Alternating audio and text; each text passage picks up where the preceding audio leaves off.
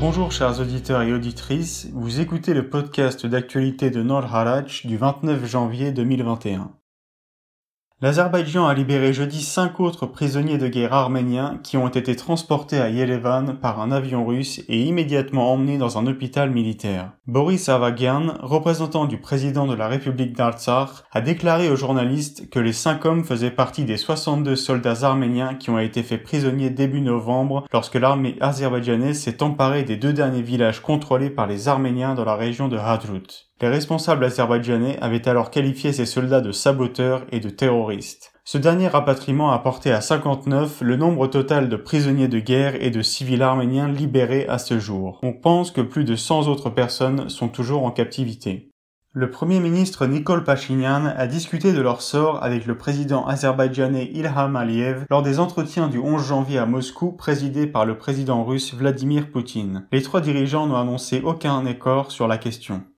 Le lieutenant-général Rustam Muradov, commandant du contingent russe de maintien de la paix au Haut-Karabakh, a par ailleurs déclaré que la partie arménienne avait remis un captif à la partie azerbaïdjanaise. Les équipes de secours d'Artsakh ont, de plus, retrouvé huit autres corps de soldats lors d'opérations de recherche dans les zones de combat le 28 janvier. Actuellement, les opérations de recherche se poursuivent dans les sections de Martuni, Hadrut et Jabrail. Depuis l'accord de cessez-le-feu, 1329 corps ont été retrouvés à la suite des opérations de recherche. La réunion des vice-premiers ministres d'Arménie, de Russie et d'Azerbaïdjan aura lieu le 30 janvier à Moscou. C'est ce qu'a déclaré le bureau du vice-premier ministre arménien Meher Grigorian.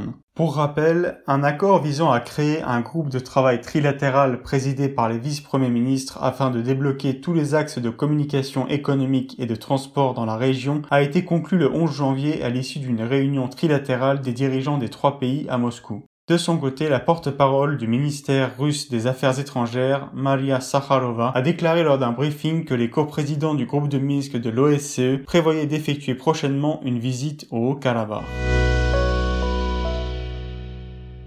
Le Premier ministre Nicole Pachinian a reçu hier Jean-Baptiste Lemoyne, secrétaire d'État auprès du ministre français de l'Europe et des Affaires étrangères. Lors de la réunion, les deux hommes ont abordé des questions liées au développement des relations entre l'Arménie et la France, notamment en termes d'investissement et d'éventuelles aides financières. Les parties ont examiné les domaines des transports, de la construction de réservoirs, de l'agriculture, des hautes technologies, des innovations numériques, de la numérisation du secteur public, ainsi que la coopération dans le développement des communications régionales. À cet égard, le Premier ministre a proposé de développer un partenariat entre le Fonds des intérêts de l'État arménien et l'Agence française de développement.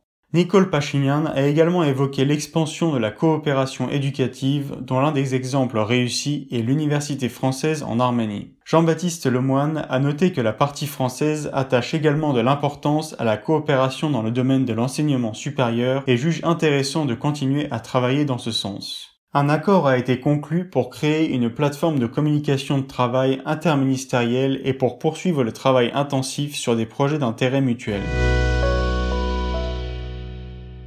Karekin II, patriarche suprême et catholicos de tous les Arméniens, a réitéré la position de l'Église apostolique arménienne et exigé de nouveau la démission du Premier ministre Nicole Pachinian. Il n'y a aucun changement dans nos convictions et notre position, a déclaré Karekin II aux journalistes devant le panthéon militaire de Yerablouj, où il s'était rendu pour honorer les soldats et volontaires tombés au combat à l'occasion du jour de l'armée. Il a réaffirmé que l'Église est guidée par les intérêts nationaux et étatiques et que si la position de l'Église est conforme à la position d'un groupe ou d'une force politique, elle ne doit pas être interprétée comme un parti pris pour un parti politique donné. Le catholicos II avait pour la première fois publiquement demandé au Premier ministre Nicole Pachinian de démissionner en décembre 2020 et Aram Ier, catholicos de la Grande Maison de Cilicie, s'était également joint à son appel.